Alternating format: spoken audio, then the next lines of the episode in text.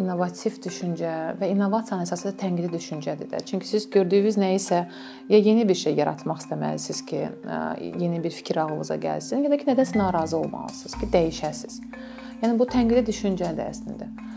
Nə qədər Azərbaycanda insan təşəbbüskardır, tənqidi düşüncəyə sahibdir ki, o ölkə olaraq biz yeni innovasiyalar yaradaq. Məncə daha çox bunların üzərində düşünməliyik.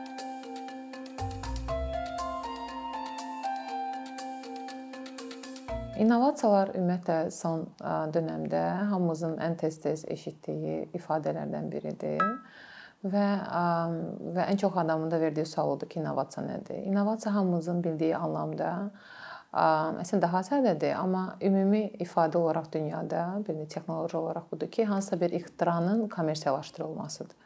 Amma hamımızın bildiyi ifadə olaraq bunu yəni de, de, deməli olsaq, bu yenilikdir həyatımızda hansısa bir prosesdəmi, məhsuldamı?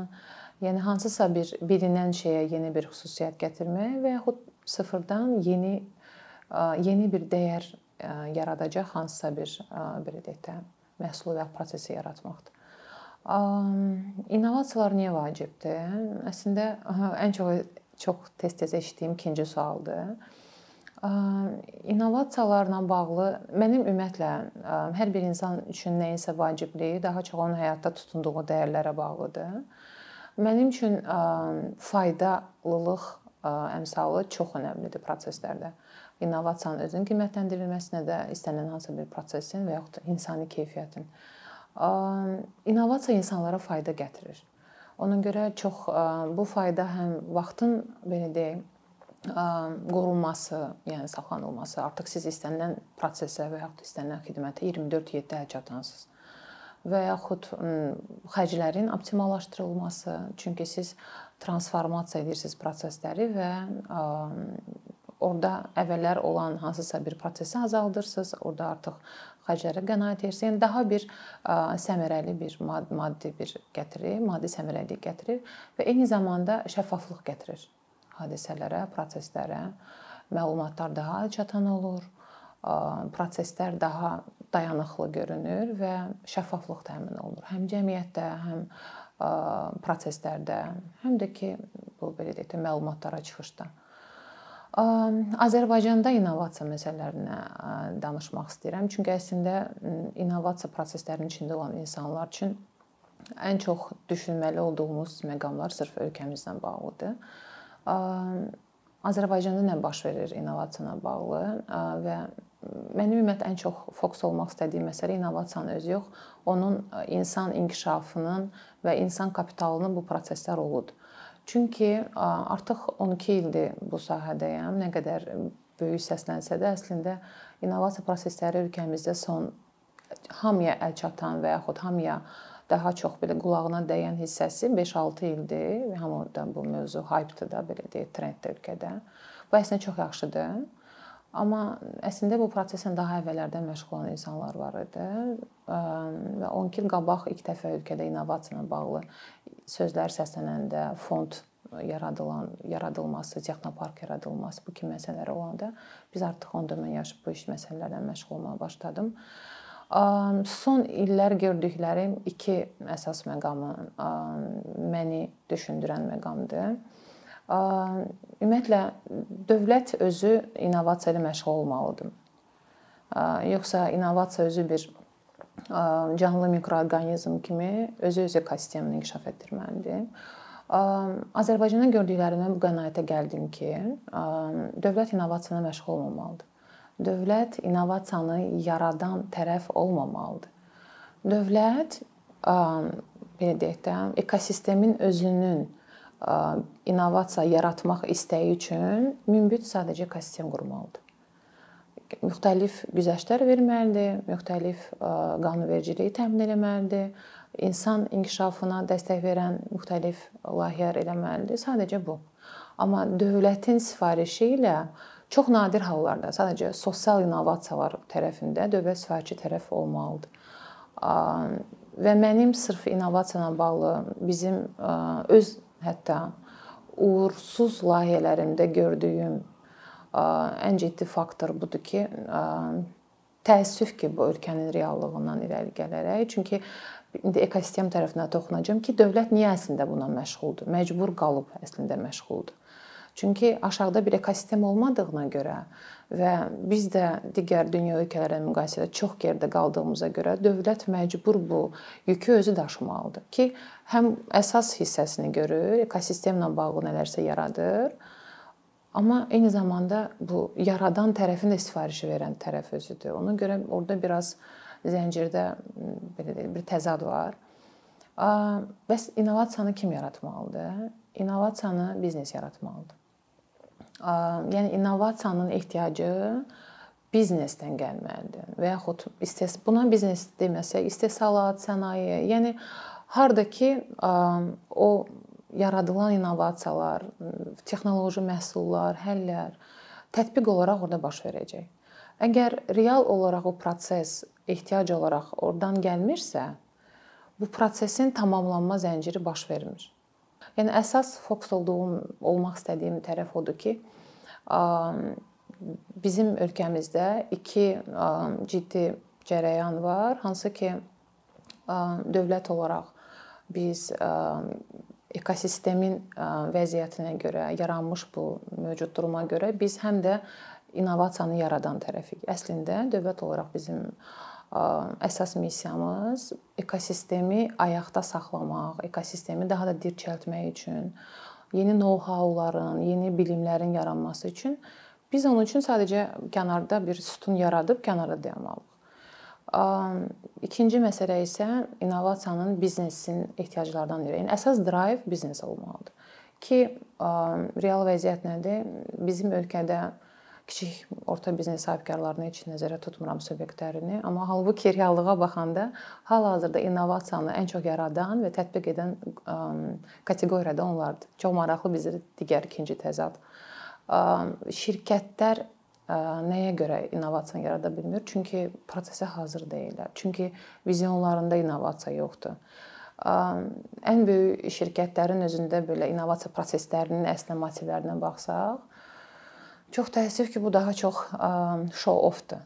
Yəni həqiqətənmi biz biznes olaraq innovasiya və qərarverici şəxslər olaraq, çünki bizim kimi ölkələrdə innovasiya qərarları top down alınır. Yəni yəni proses belə baş verir və həqiqətən o proseslərin qərarını verən şəxslər nə qədər innovativ düşüncə tərzinə, yaradıcılığa, proseslərə fərqli baxmaq belə deyək də, xüsusiyyətinə sahibdirlər. Və burada artıq proses qırılır.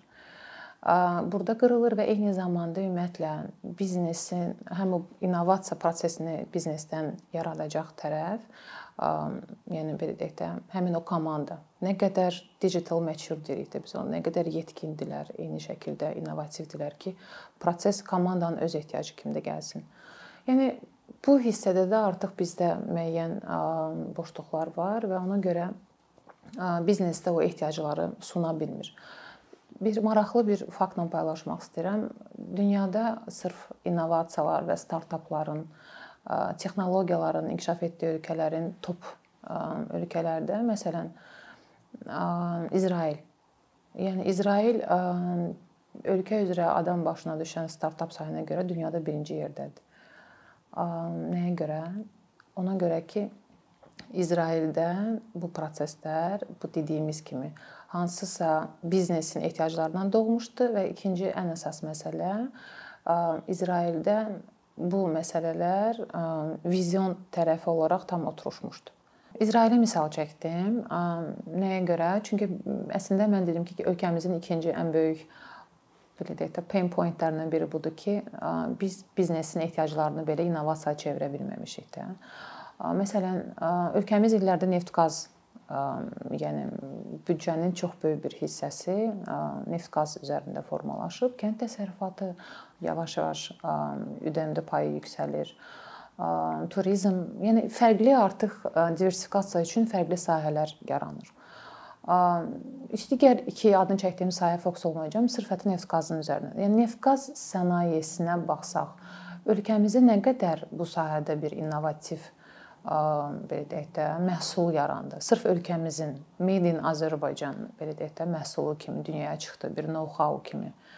Bu budur boşluqlar. Yəni onu demək istəyirəm ki, okey, biz heç digər yəni etdıq, aktıq, yəni müxtəlif sahəvi inkişaf istiqamətləri var da texnologiyaların.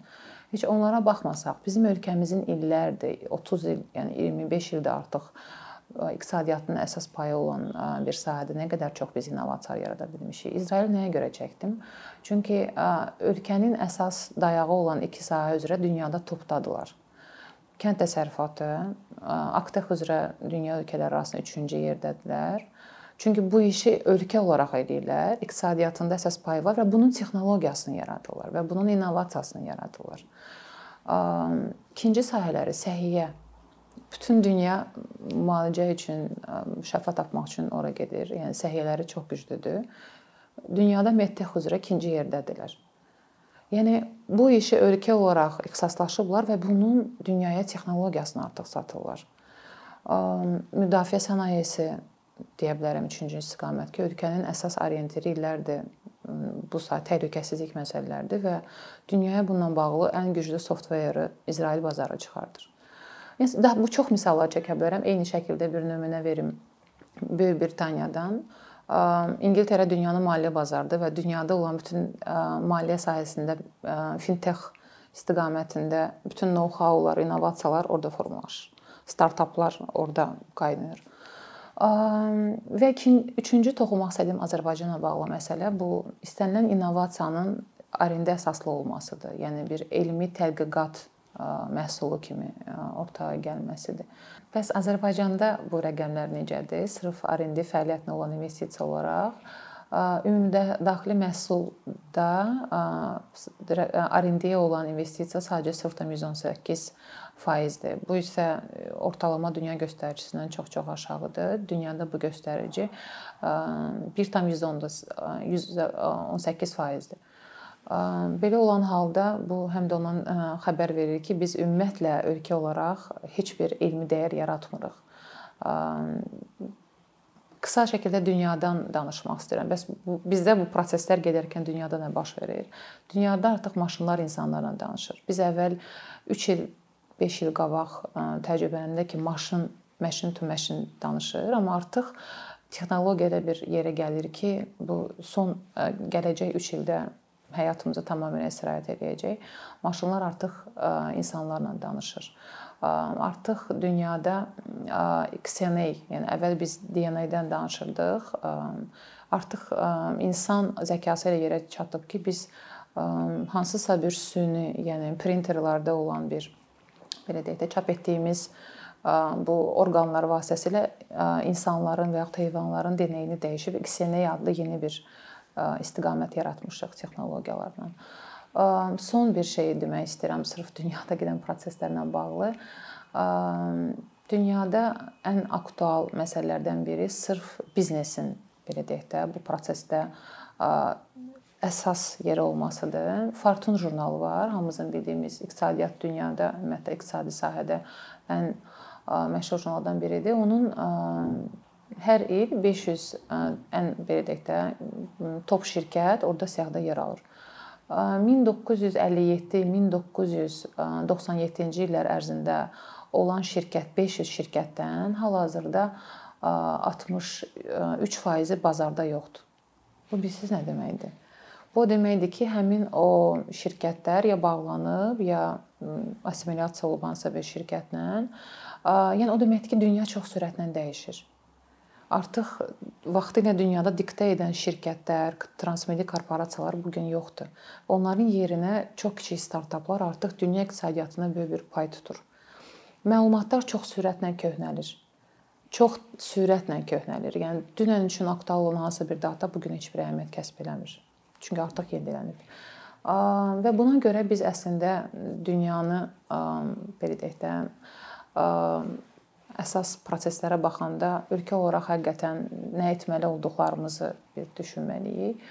Mənə görə burada əsas cavab və mənim illərdir təcrübəmdən gəldiyim bir əsas belə deyək də, həll yolu insandır.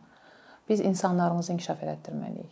Çünki nə qədər ölkə olaraq biz belə deyək, ekosistemi qursaq da, qanunvericiliyi də uyğun belə də uyğunlaşdırsaq, yenilərini yaratsaq, buna çox ciddi ölkə olaraq büdcə ayırsaq, investisiya alətləri müxtəlif biz insanlarımızı innovativ belə deyək də, bir cəmiyyətə, bir innovativ düşüncəli insanlar formasında belə deyək də, buna hazırlamasaq, bütün bu proseslərin nəhayətdə heç bir əhəmiyyəti olmayacaq. Biz necə ki son illər ciddi büdcələr buna ayırırıq, necə ki son illər müxtəlif yəni belə deyək də, proseslər, layihələr həyata keçirilir.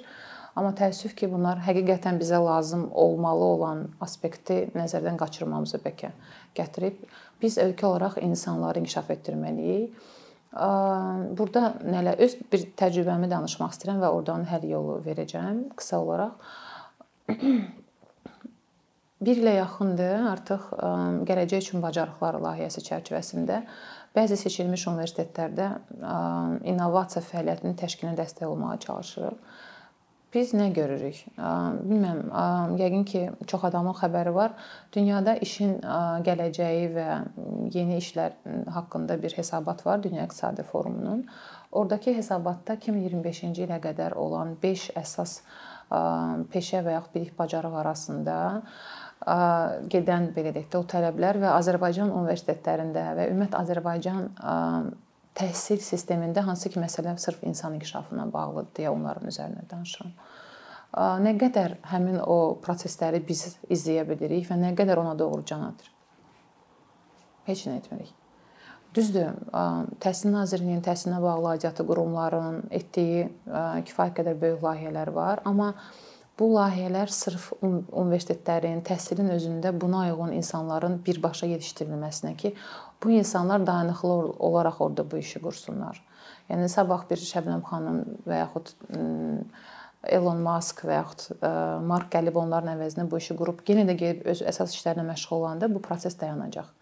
Ona görə biz universitetlərdə ilkin addım olaraq müəllimlərin mentor kimi yetişdirilməsinə başladıq və onların da öz universitetlərində həmin o dərs deyən müəllimlərin öz universitetlərində öz tələbələrinin startap kimi yetişdirilməsinə dəstək verir. Biz prosesdə nə gördük? Təəssüf ki, heç bir kateqoriya innovasiya proseslərini çox da izləmir. İnnovativ düşüncə və innovasiyanın əsası da tənqidi düşüncədir də. Çünki siz gördüyünüz nə isə ya yeni bir şey yaratmaq istəməlisiniz ki, yeni bir fikir ağlınıza gəlsin, ya da ki, nədənsə narazı olmalısınız ki, dəyişəsiniz. Yəni bu tənqidi düşüncədir əslində. Nə qədər Azərbaycanda insan təşəbbüskardır, tənqidi düşüncəyə sahibdir ki, o ölkə olaraq biz yeni innovasiyalar yaradaq. Məncə daha çox bunların üzərinə düşünməliyik. Olduğumuz istənilən nöqtədə, yəni insan inkişafının təhsil təkcə Təhsil Nazirliyi məşğul olmalıdır deyə əslində bir yanaşma yoxdur. İstənilən struktur, biznes öz belə də icmasında, öz mühitində innovativ düşüncəli insanların yetişdirilməsinə bağlı dəstək olmalıdır proseslərə. Məktəblərdə bu proses başlamalıdır, bağçalarda başlamalıdır. Düşünürəm ki, bir də bu yaxınlarda sizin platformada bir videoya baxmışdım. Çox xoşuma gəldi. Elə buna tamamlamaq istəyirəm. İqtisadi fəal əhali qrupları arasında haqqında bir videodur, səhv etmirəmsə, orada bir bir fakt belə deyək də açıqlandı ki, dünyada büdcələr iki belə deyək də istiqamətdə formalaşır. Bir təbii resurslardan formalaşan büdcələr, bir də insan resurslarından.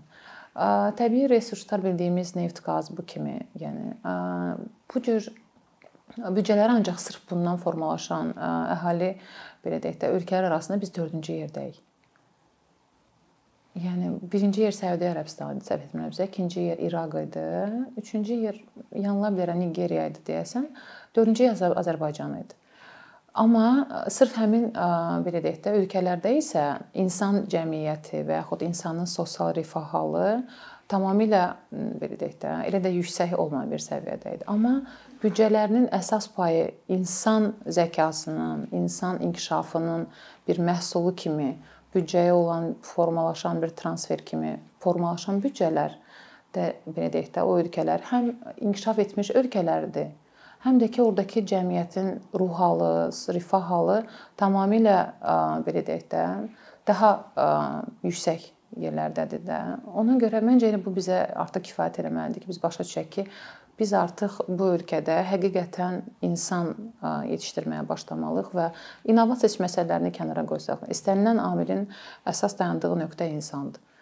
Ona görə ölkə olaraq sırf innovasiyaların hansısa bir bu istənilən beynəlxalq göstəricilərdə ölkə olaraq cəmiyyətimizdə hiss olunan qədər ölkəyə dəyər qatmasının ən böyük düşünürəm ki, üzərində düşünməli olduğumuz və addım atmalı olduğumuz istənilən olduğumuz nöqtədə, səhiyyədə, məktəbdə, bağçada, ailədə ideyası olan, təşəbbüsü olan, tənqid düşüncəsi olan insanlara daha çox investisiya edib, onların biliklərini, onların ideyalarını, təşəbbüslərini kommersiyalaşdırıb bir innovativ ölkə olmaq. Budur yəni.